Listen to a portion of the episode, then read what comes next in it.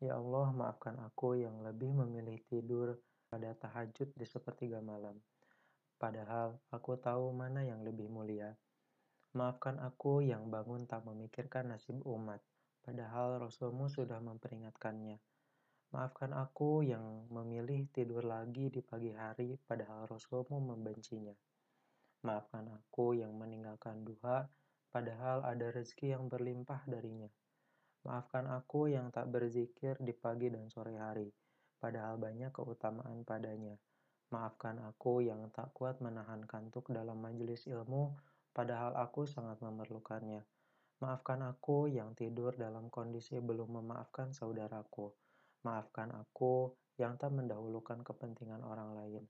Maafkan aku yang tak menjaga bumi ini. Maafkan aku yang tak banyak mengingat.